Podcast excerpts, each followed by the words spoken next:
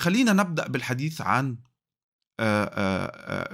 شعاع الموت شعاع الموت هو اصطلاح لم يطلقه نيكولا تسلا برضو من الفيديوهات ومش عربي بس خلي بالك. لا لا لا المحتوى الأجنبي كاملا كاملا بيتحدث عن هذا الرجل على إنه يعني شيء غاية في الغرابة على إن هذا الرجل كان يعني حاجة كده زي الديلاي لاما يعني فاهم النقطة؟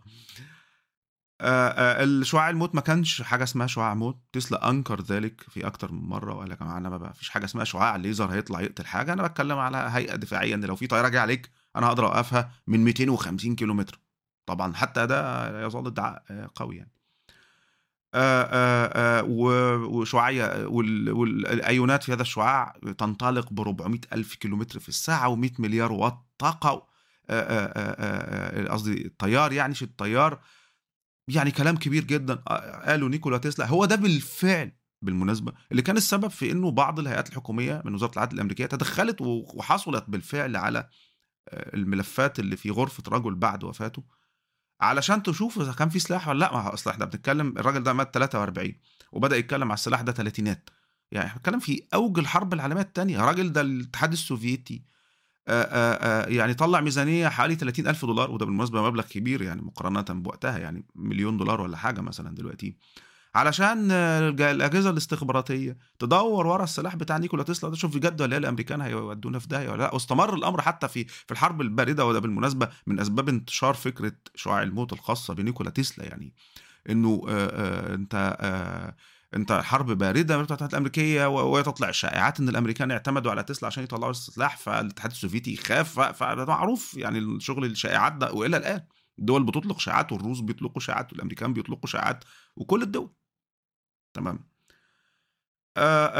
بحثت الحكومة الأمريكية في الأمر ما يردنا من معلومات عن أنه والله هو بعد كم سنة الاتحاد الأمريكية الحكومة انتدبت بعض العلماء من ال MIT ال Massachusetts Institute of Technology معهد كبير جدا علشان يدوروا ورا الورق بتاع نيكولا تسلا. واستخلص العلماء بتوع ام اي تي نتائجهم وقالوا إنه هذه ال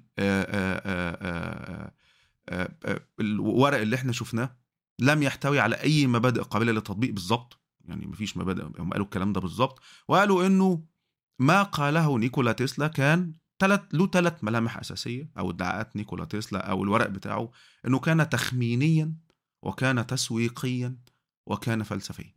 تخمينيا وتسويقيا وفلسفيا.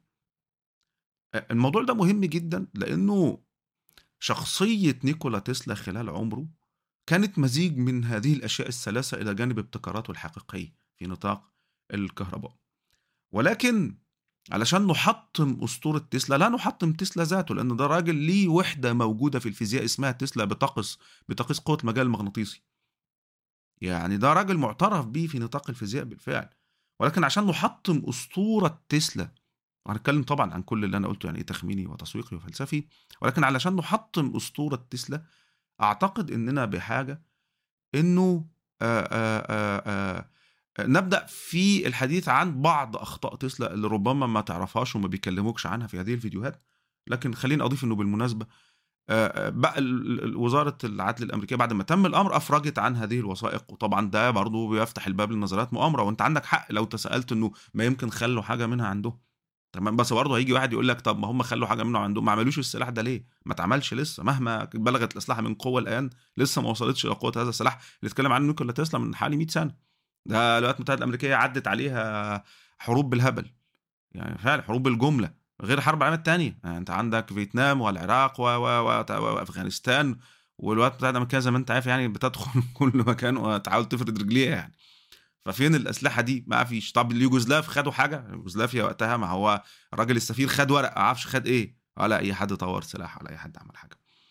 إلى الآن. فبرضه مقابلة بهذا السؤال في سؤال آخر بيقول لك أمال فين الكلام ده؟ وفي رأي العلماء اللي بيقولوا إن الكلام ده علميا كلام فارغ. بالمناسبة ده رأي العلماء دلوقتي يعني والمهن وكبار ال... يعني أغلبية العلماء والمهندسين دلوقتي مؤمنين بهذه الايه الفكرة إنه لأ ده كان كلام تخميني وفلسفي وتسويقي.